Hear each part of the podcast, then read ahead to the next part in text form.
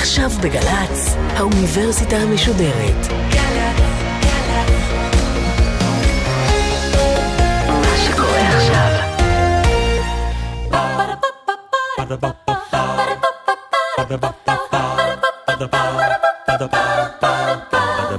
האוניברסיטה המשודרת מציגה מבוא ל עם קובי מידן והסמסטר פמיניזם עכשיו והפעם שיחה עם הדוקטור יאלי השש מרצה למגדר ולהיסטוריה של יהודי ארצות האסלאם באוניברסיטת תל אביב ומכללת בית ברל על פמיניזם מזרחי עורכת ראשית מאיה גאייר כמה שאת יפה, לא רואים שאת מרוקאית. זה שמו של מאמר מכונן שכתבה הנריאט דהן כלב. זה מאמר שמתמודד עם נושא דיכוין של נשים מזרחיות והשפעותיו על תהליכי הבניית הזהות שלהן, וזה כפי שאתם בוודאי יכולים אה, להבין או לשער, הנושא שלנו היום, כלומר, פמיניזם מזרחי. כלומר, למי שעוקב אחרי הקשת ההולכת ומתארכת של המפגשים שלנו בקורס על פמיניזם, הגענו באמת לנקודות אה, כאלה. עברנו את העניין ההיסטורי, העניין הפילוסופי, ואפילו העניין הארץ-ישראלי, ואנחנו עכשיו בפמיניזם מזרחי. ואנחנו עם הדוקטור יאלי השש, שהיא פעילה פמיניסטית מזרחית, מרצה להיסטוריה, מתמחה בהיסטוריה חברתית של נשים, ומרצה אה, באוניברסיטת תל אביב ובבית ברל. שלום לך. שלום. האמת שיש המון, המון דרכים להתחיל את הטיפול וההתעניינות בפמיניזם המזרחי. אני חושב שכדאי שנתחיל מארצות האסלאם, מארצות ערב. אוקיי. Okay. מכיוון שההתפרצות של הפמיניזם המזרחי בישראל הייתה סביב המפגש של נשים אשכנזיות ונשים מזרחיות, אז נקודת המוצא שלי תהיה ב-1840. ב-1840 מתרחשת עלילת דמשק, האב תומאס והמשרת שלו אברהים יוצאים אל השוק היהודי אה, לתלות מודעות בערבית על אה, כל מיני אה, חנויות כדי למכור איזשהו עיזבון. הם תולים מודעה ליד החנות של שלמה הספר, וזה הפעם האחרונה שרואים אותם. הם שניהם נוצרים כמובן? שניהם נוצרים. הוא יהודי, שלמה הספר. שלמה הספר הוא יהודי, ומתפשטת אה, שמועה שהם נרצחו ושהיהודים משתמשים בדם שלהם בשביל המצות של פסח. זוהי עלילת דמשק הידועה, נכון? זוהי עלילת דמשק הידועה, mm-hmm. שהיא מאוד לא אופיינית למרחב הזה, היא גם לא כל כך אופיינית למאה ה-19, אבל בכל אופן היא מתפשטת ומוצאת לה אחיזה בגלל כל מיני נסיבות פוליטיות של הזמן. כתוצאה מעלילת הדם הזאת, יהודי דמשק נכנסים למצוקה מאוד מאוד גדולה, ונריץ את הסיפור קצת קדימה, uh-huh. מגיעות משלחות של עזרה ממערב אירופה. משלחות העזרה האלה אה, עושות כל מיני דברים, ובין היתר הן מפגישות בין יהודי אירופה, בין יהודי מערב אירופה יותר נכון, לבין יהודי המזרח, בתוך הקשר של קולוניאליזם. כלומר, המשלחות היהודיות הצרפתיות והמשלחות היהודיות האנגליות מגיעות כאשר האמנסיפציה שלהם או עדיין לא הושגה, כלומר באנגליה עדיין אין אמנסיפציה ליהודים, או שהיא שברירית, כמו בצרפת. ותהליכי האמנסיפציה במערב אירופה מתבססים על זה שהיהודי הישן מהחדר, שהוא לא שותף פעיל בחיים האזרחיים הפוליטיים, עובר איזושהי אה, דחייה, והוא הופך להיות אזרח יצרני ופעיל. המפגש שלהם עם יהודי המזרח מראה להם שהכוחות הקולוניאליים, כלומר השלטונות האנגלים והצרפתים, פוגשים במזרח את מה שהם חושבים שהוא היהודי הישן.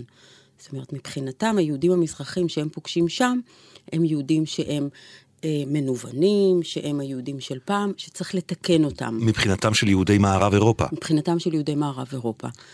זה לא פחות ממרתק לפתוח בנקודה הזאת כתחילת ההתעוררות של פמיניזם מזרחי, כלומר במפגש של יהודי מערב אירופה עם יהודי המזרח. כן. ולמה אני בוחרת את הנקודה הזאת? קודם כל להגיד במחקר מקובל לאחרונה שנקודת הזמן הזאת היא נקודת המפגש בין יהודי מערב אירופה ליהודי אה, המזרח. אבל אני לוקחת את זה עוד צעד ורוצה לשים את הפוקוס על זה שאחת התוצאות המשמעותיות של המשלחות האלה היא שהתחילו להיפתח בתי ספר שיזמו יהודי מערב אירופה ופתחו אה, במזרח התיכון.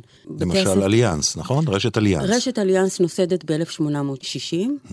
אה, אחד החוקרים החשובים של התקופה, אהרון רודריג, מסמן את ההקמה של אליאנס כתוצאה ישירה של אה, עלילת דמשק, ובתי הספר של אליאנס נפתחים גם לבנות וגם לבנים, ובבתי הספר האלה אפשר לראות את אוצר המילים שמלווה אחר כך את כל המפגש בין נשים אשכנזיות לנשים מזרחיות, כמעט עד היום אפשר להגיד. למשל?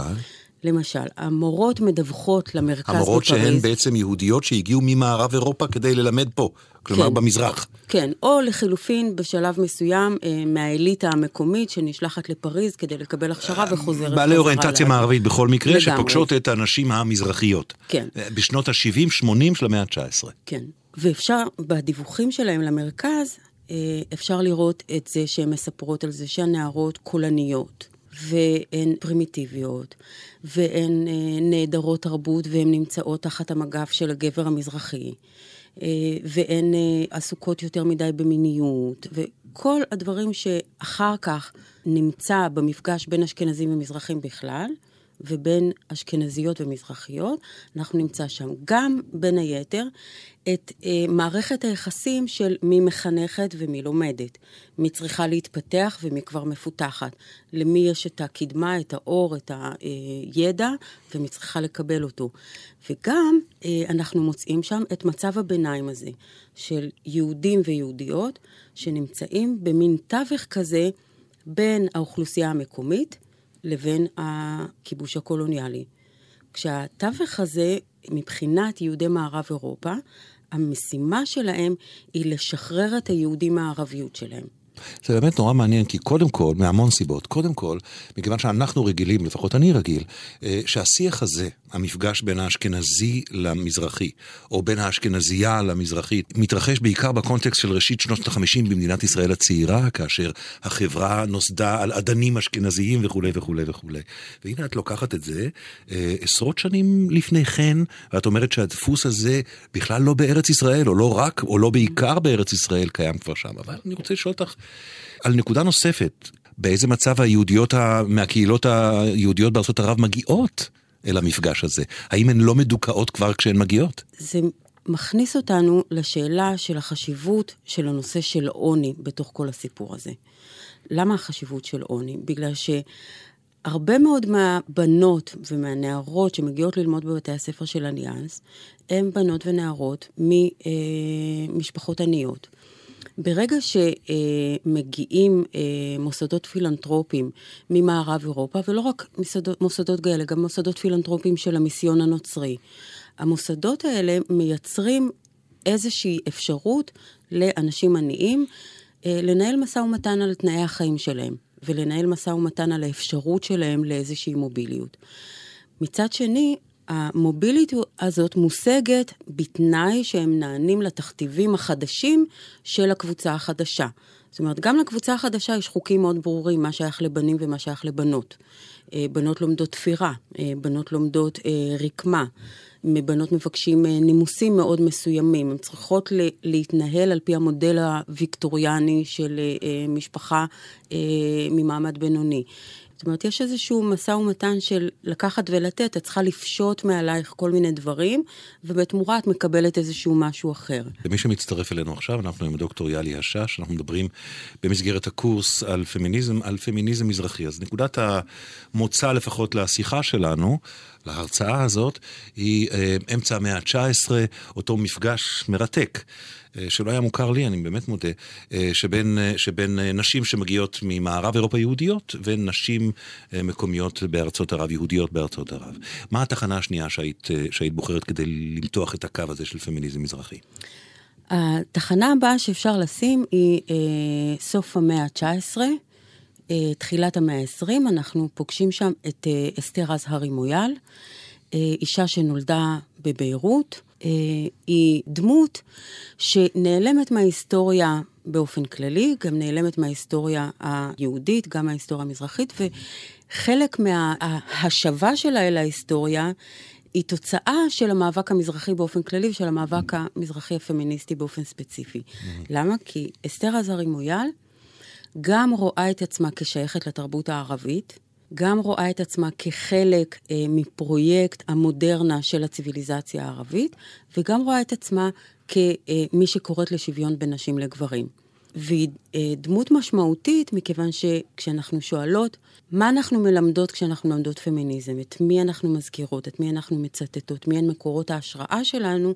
אז היא בהחלט דמות שנותנת לנו מקור השראה, שמאפשרת לנו להסתכל בצורה יותר רחבה על כל מיני אפשרויות. עכשיו את ושותפותייך מנסות להחזיר אותה לתודעה כדמות שהם מתייחסים אליה, כדמות אה, שמבשרת פמיניזם מזרחי חדש. כן, ואת אסתר עזרי מויאל אפשר לפגוש כאישה שיש לה סלון ספרותי, שבכירי הנאדה, הרנסאנס התרבותי הערבי מתארחים אצלה בסלון, שהיא ובן הזוג שלה, הם שניהם כותבים בעיתונות בערבית, הם פותחים ביחד עיתון, היא פותחת עיתון, אה, עיתון נשים.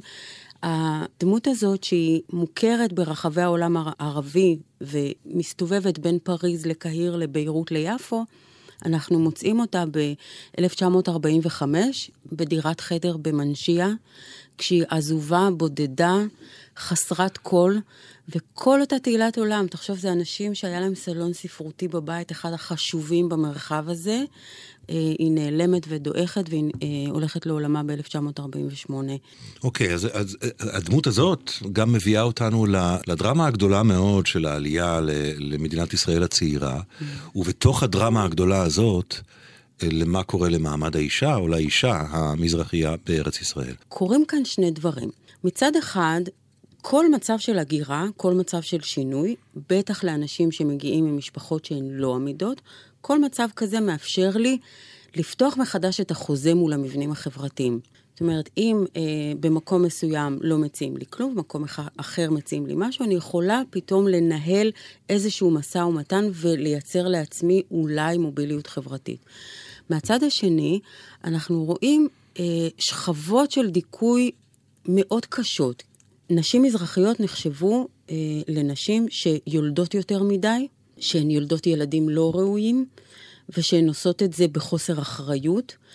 אה, אפשר לראות למשל שדינה פייטלזון, שקיבלה את פרס ישראל, הייתה הראשונה שקיבלה פרס ישראל וקיבלה אותו בגיל מאוד מאוד צעיר, המחקר שלה אה, הוא על האופן שבו הורים מסייעים לילדים שלהם בכיתה א'. דינה פייטלזון עושה אה, מין סוג של מחקר אתנוגרפי, היא הולכת ומראיינת אימהות, והיא נכנסת אליהם הביתה, ויוצא אצלה באופן די שיטתי, שכל האימהות האשכנזיות, בין אם הן עניות או לא עניות, הן אימהות נפלאות, הן מצוינות, הן עושות הכל נכון. הן, יש להן סבלנות לילדים, הן יודעות להעביר תרבות לילדים. כל האימהות המזרחיות שלה קיבלו גינוי. הן או מתאפרות יותר מדי או מתאפרות פחות מדי, הן או שמנות מדי או אה, רזות, הן אף פעם לא בסדר, הן תמיד יש להן איזשהו עודף גדול או חסר גדול.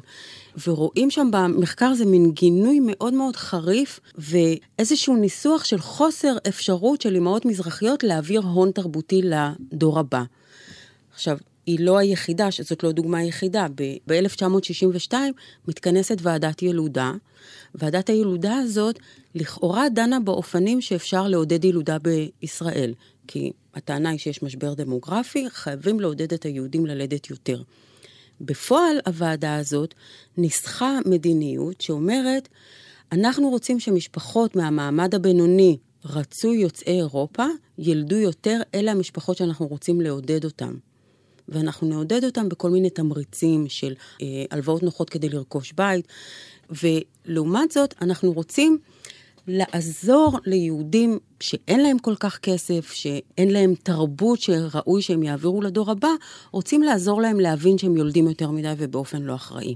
עכשיו, ההתייחסות הזאת, שהיא בצורה מאוד ברורה מופיעה בפרוטוקולים של אה, אה ועדה ממשלתית, אחר כך אנחנו רואים את זה בשנות ה-70, אחר כך אנחנו נראה את זה כשנראה את אה, פריצקי, השר לשעבר יוסף פריצקי, השר לשעבר, וצורח על אה, אימא חד-הורית, שנמצאת באח, באחת מהצעדות האלה שהתעוררו בעקבות הצעדה של ויקי כנפו, וצורח עליה למה עשית ילדים. כשיש לה ילדה אחת לאותה אישה. את מסמנת כאן, כשאני שואל אותך על, על ההשפעות או על, על מה קורה בעקבות אותה דרמה גדולה של עלייה, mm-hmm. בעצם שני דברים שהם בכיוונים הפוכים. Mm-hmm. מצד אחד, איזושהי הזדמנות. כן. אני, אני אוסיף לכך את מה שמקובל לדבר עליו, mm-hmm. והוא, אומנם אבוי להזדמנות כזאת, אבל ההתרסקות של מעמד הגבר המזרחי או הערבי היהודי עם העלייה.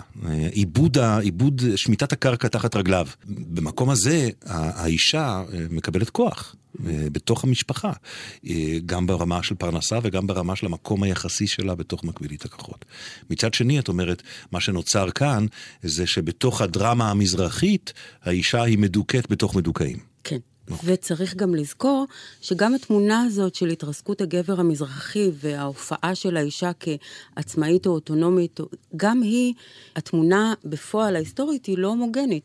בואו נזכור שיש לנו מאה שנה של בתי ספר מודרניים, יש לנו מאה שנה שבהם נשים עשו כל מיני דברים, היו פעילות בכל מיני מרחבים, ויש הרבה נשים שהיו שייכות למעמד בינוני או מעמד בינוני גבוה, שהדיווח שלהם הוא הפוך, שכאן הן מוגבלות ולא אה, מרגישות שיש להן הזדמנויות. אנחנו בשיחה, אה, הרצאה אה, במסגרת האוניברסיטה המשודרת על פמיניזם מזרחי עם הדוקטור יאלי השש.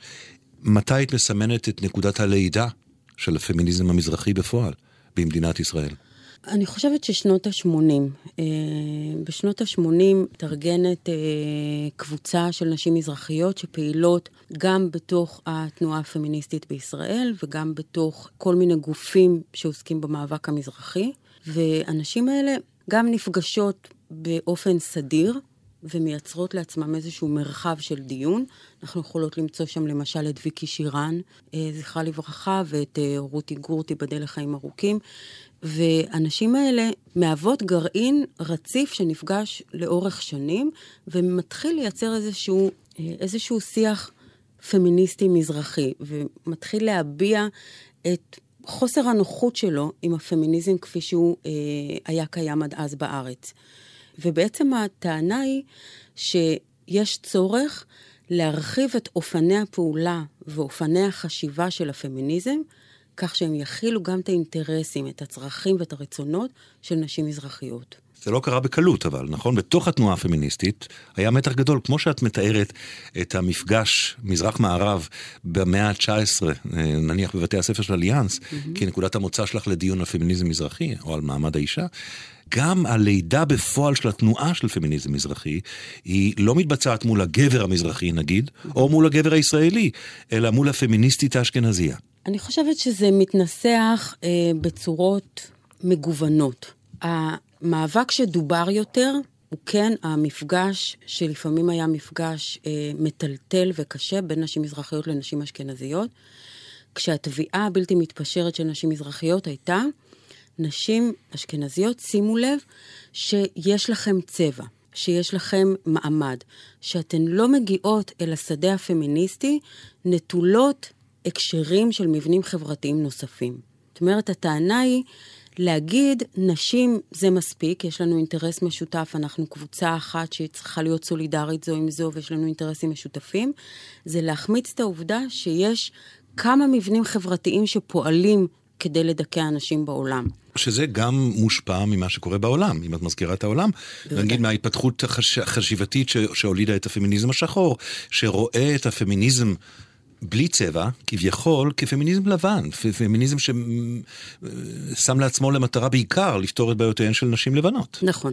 זאת אומרת, השאלה האם יהיו, מה שהפך לקלישאה כבר, אבל טענה שהייתה שהמאבק שיהיו יותר נשים בדירקטוריונים, הוא מאבק שהוא רלוונטי לקבוצה מאוד מצומצמת של נשים. כשלמעשה המאבק לדיור ציבורי, או המאבק לעבודה בהעסקה ישירה, או המאבק להעלאת שכר מינימום, אלה מאבקים שרלוונטיים לרוב הנשים. זאת אומרת, זה לא, זה לא שהקבוצה של נשים מזרחיות מייצגת איזשהו ציבור קטן שדורש את המקום שלו, אלא יש כאן שאלה האם אני לוקחת את כל המשאבים של הפמיניזם והרטוריקה הפמיניסטית והאידיאולוגיה הפמיניסטית וההתגייסות של נשים על מנת לקדם נשים ספציפיות, או על מנת לקדם את כלל הנשים. ולנשים אשכנזיות זה היה מאוד קשה להגיד, רגע, יש לי צבע ואני שייכת למעמד. כי הרצון הכנה שלי והאמיתי שלי הוא להגיד, אה, אני רואה את עצמי כאחת מכולם. זאת אומרת, הקושי היה אמיתי, והדיאלוג לקח הרבה מאוד זמן והרבה מאוד שנים. בעצם המאבק הוא כדי שהפמיניזם יהיה פמיניזם מעמדי. ההכרה בכך שהפמיניזם צריך להיות, צריך להיות בו מרכיב מעמדי, אה, אתני אם את רוצה, ולא רק מגדרי. אז כאן השאלה. היום אני חושבת שאנחנו מדברים על פמיניזמים מזרחים רבים. כי כשהפמיניזם המזרחי מתחיל והוא אה, נאבק להכרה מול פמיניסטיות אשכנזיות, אז יש לנו התלקטות של אינטרסים שמייצרת איזשהו סדר יום חדש. אבל עם הזמן הוא מתחיל להיפרד לכל מיני פמיניזמים שונים. שתכף נגיע אליהם. לפני שנגיע אל הפנים השונות של הפמיניזם המזרחי, אני רוצה שתספרי לי מה קרה כדי להמחיש את הקונפליקט, אני חושב, מה קרה בגבעת חביבה. אה, באו הפמיניסטיות המזרחיות, ואני חושבת שכאן זה מקום לתת את אה, חלק גדול מהקרדיט לוויקי שירן, ואמרו, תשמעו, כדי שאנחנו נוכל לעשות פמיניזם באמת ולייצג את כל הקולות של אה, נשים, אז אנחנו רוצות שכל המוסדות הפמיניסטיים באשר הם, כל ועדה שתוקם, כל אה, פאנל שיהיו בו דוברות, יהיו מחולקים לשלושה שלישים, פלסטינית, מזרחית ואשכנזייה. עכשיו, על זה היו מהומות עולם, אבל בסופו של דבר, כשהייתה התרצות כלשהי, באו נשים לסביות ואמרו, רגע, אבל לסביות זה גם קטגוריה, כי אם נשים לסביות לא מיוצגות, אז הפוליטיקה הלסבית לא באה לידי ביטוי. אחרי אה, דין ודברים ארוכים ושהתלהטו הרבה פעמים, הוסכם שהפמיניזם בישראל יכריז על מדיניות הרבעים. כלומר שכל ועדת היגוי, כל פאנל, כל זה וכולי, יהיו מורכבים מרבע לסביות, רבע אשכנזיות, רבע מזרחיות ורבע פלסטיניות. עכשיו, זה נכון שבתוך הדיונים כל הזמן היו טענות. רגע, ומה עם הרוסיות, ומה עם האתיופיות, ומה עם הנכות? וגם כמובן הייתה טענה, רגע, הרבע הלסבי זה מיועד להגדיל את הרבע האשכנזי. אז עצם התביעה למגוון יצרה דינמיקה שבה אנחנו מעודדות נשים לדבר. אנחנו אה, מחפשות ועושות את המאמץ הזה של החיפוש עד שאנחנו מוצאות. אה, ואז אנחנו פתאום שומעות דברים חדשים שלא שמענו קודם, אז אנחנו כל הזמן לומדות. זאת אומרת, התהליך הזה שבו יש מחויבות אמיתית לשמיעה של מגוון של קולות, והתחייבות לסדר יום פמיניסטי שהוא רלוונטי לחיים של נשים, אה, יצרה איזושהי הבנה שבאמת עולם הנשים הוא עולם מגוון.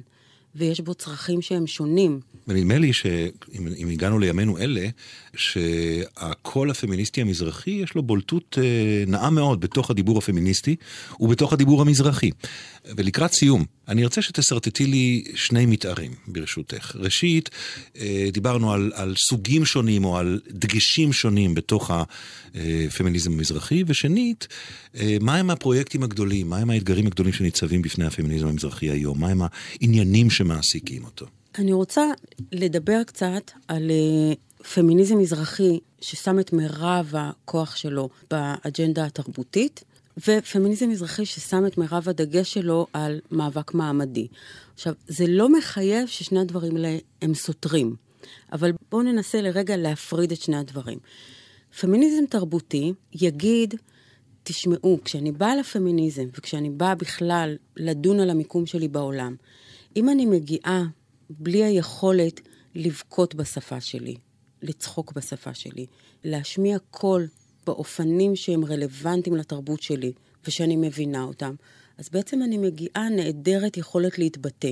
ובהקשר הזה אנחנו נראה פעולה מאוד אה, אינטנסיבית גם לשחזור של היסטוריה של נשים מזרחיות, גם ליצירה של אומנות של נשים מזרחיות. אה, והרבה פעמים האג'נדה התרבותית היא אה, וכאן אולי זה החולשות שלה לפעמים, היא לא תבחין תמיד בין נשים לגברים. זאת אומרת, התביעה למקום לתרבות המזרחית הרבה פעמים אה, תשתף פעולה מאוד מהר עם כלל המזרחים, ולפעמים שיתוף הפעולה הזה גוזר עליי שאני אצטרך להשתיק את עצמי שוב פעם. לעומת זאת, החלק המעמדי יגיד, לא יעזור לי אם יהיו 60 חברות כנסת מזרחיות. אם חלוקת המשאבים לא משתנה, אז שום דבר לא, אה, לא משתנה בעצם. זאת אומרת, זה שתהיה נראות למזרחיות והתרבות שלי תייצר לי מודלים לחיקוי שהן רלוונטיות לילדות מזרחיות, הכל נהדר, אבל עד שלא תהיה לי חלוקת משאבים ממשית, אני לא יכולה לתאר שיש לי התקדמות. עכשיו, היום הפערים בין עשירים לעניים הם גדולים משהיו אי פעם. נשים היום, יש להן פחות ממה שהיה לדור האימהות שלנו. אז זה נכון שהיום אני יכולה לשיר מזרחי ויהיה יותר קשה לאנשים לסמן אותי כמשהו בלתי ראוי מאשר היה להם לפני עשר שנים. אבל עדיין, כשאני מסתכלת על חלוקת המשאבים וחלוקת ההון, ואני רוצה למצוא עבודה שמפרנסת אותי בחברה, אז אני רואה שזה מאוד קשה לנשים מזרחיות לעבוד בעבודה שמאפשרת להן לפרנס משפחה בכוחות עצמן. אוקיי. Okay. דיברת על, ה, על החולשה היחסית mm-hmm. של הפמיניזם התרבותי המזרחי. כן, ועכשיו... אבל אני רוצה להסביר למה זה לאו דווקא סותר. למה זה לאו דווקא סותר? כי המעמד שלי נקבע בין היתר על ידי היכולת שלי לקבל מהדור הקודם איזשהו הון תרבותי שאני יכולה לסחור איתו. אם ההון התרבותי של הוריי רלוונטי במרחב הציבורי, והוא יכול לאפשר לי לקבל מקום ראוי, ואני יכולה לקבל בעבורו איזשהו, אה, להשתלב בכל מיני מקומות באמצעות ההון התרבותי הזה, כמו שפה, כמו מוזיקה, כמו ידע היסטורי מסוים, אז אם ההון הזה מאפשר לי מוביליות, אז המוביליות הזאת מתבטאת גם במוביליות חומרית. ומה מידת הקשר של הפמיניזם המזרחי העכשווי עם פמיניזם פלסטיני, עם פמיניזם של אה, אה, נגיד נשים יוצאות חבר העמים, mm-hmm. עם אה, פמיניזם של נשים ששייכות לחלקים מוחלשים באוכלוסייה בכלל, שאינם המיינסטרים הפמיניסטי הלבן, נגיד? אני רוצה להיזהר מלעשות רומנטיזציה, כי נהוג לומר שפמיניסטיות מזרחיות ופמיניסטיות פלסטיניות זה סוג של חיבור אוטומטי וטבעי. זה בהרבה מובנים נכון, אבל צריך לעשות מקום לזה שהדיכוי של נשים פלסטיניות בחברה בישראל הוא הרבה יותר גדול מאשר דיכוי של נשים מזרחיות. אחרי שאומרים את זה, יש הרבה מאוד שיתופי פעולה שהם אפשריים, זאת אומרת, ושהם קורים, לפעמים על רקע מעמדי, לפעמים על רקע תרבותי. אותו דבר עם נשים דוברות רוסית. אה, הרבה מאוד פעמים הדרישה להכרה תרבותית מאפשרת איזשהו מפגש בין קבוצה תרבותית אחת לקבוצה תרבותית אחרת, ומתאפשרים שיתופי פעולה.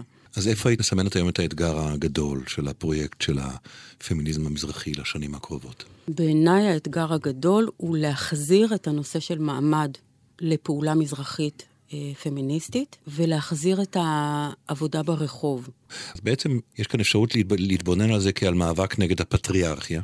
Mm-hmm. לעומת מאבק שהוא לא, כמובן לא, לא מייחד רק את הפמיניזם המזרחי, הוא מאוד בולט היום בחברה הישראלית בכלל, נגד חלוקת ההון, נגיד, או נגד הריכוזיות, או נגד האי שוויוניות מצד אחד. אבל כאן צריך לשים לב שבואו ניקח לדוגמה את הייצוג המזרחי באקדמיה.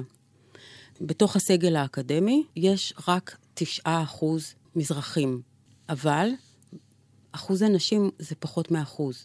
לכן המאבק הוא כאילו גם של גברים ונשים, אבל לא. במובן הזה, הגבר המזרחי, שוב, בהכללות גסות מאוד לצורכי השיחה עכשיו, הוא לא השותף, אלא, אלא היריב. הרבה פעמים כן. כן. וגם אם לא היריב, אז בוודאי מי שיכול ביתר קלות ליהנות מפירות המאבק המזרחי. דוקטור יאלי השש, תודה רבה לך. תודה רבה. Ba-da-ba-ba-ba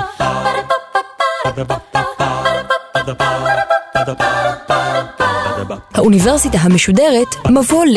קובי מידן שוחח עם הדוקטור יאלי השש, מרצה למגדר ולהיסטוריה של יהודי ארצות האסלאם באוניברסיטת תל אביב ומכללת בית ברל, על פמיניזם מזרחי. עורכת ומפיקה, מיקה נחטיילר. מפיקה ראשית, אביגיל קוש. מנהלת תוכן, מאיה להט קרמן. האוניברסיטה המשודרת, בכל זמן שתרצו, באתר וביישומון של גל"צ, וגם בדף הפייסבוק של האוניברסיטה המשודרת. Ba-da-ba, ba-da-ba.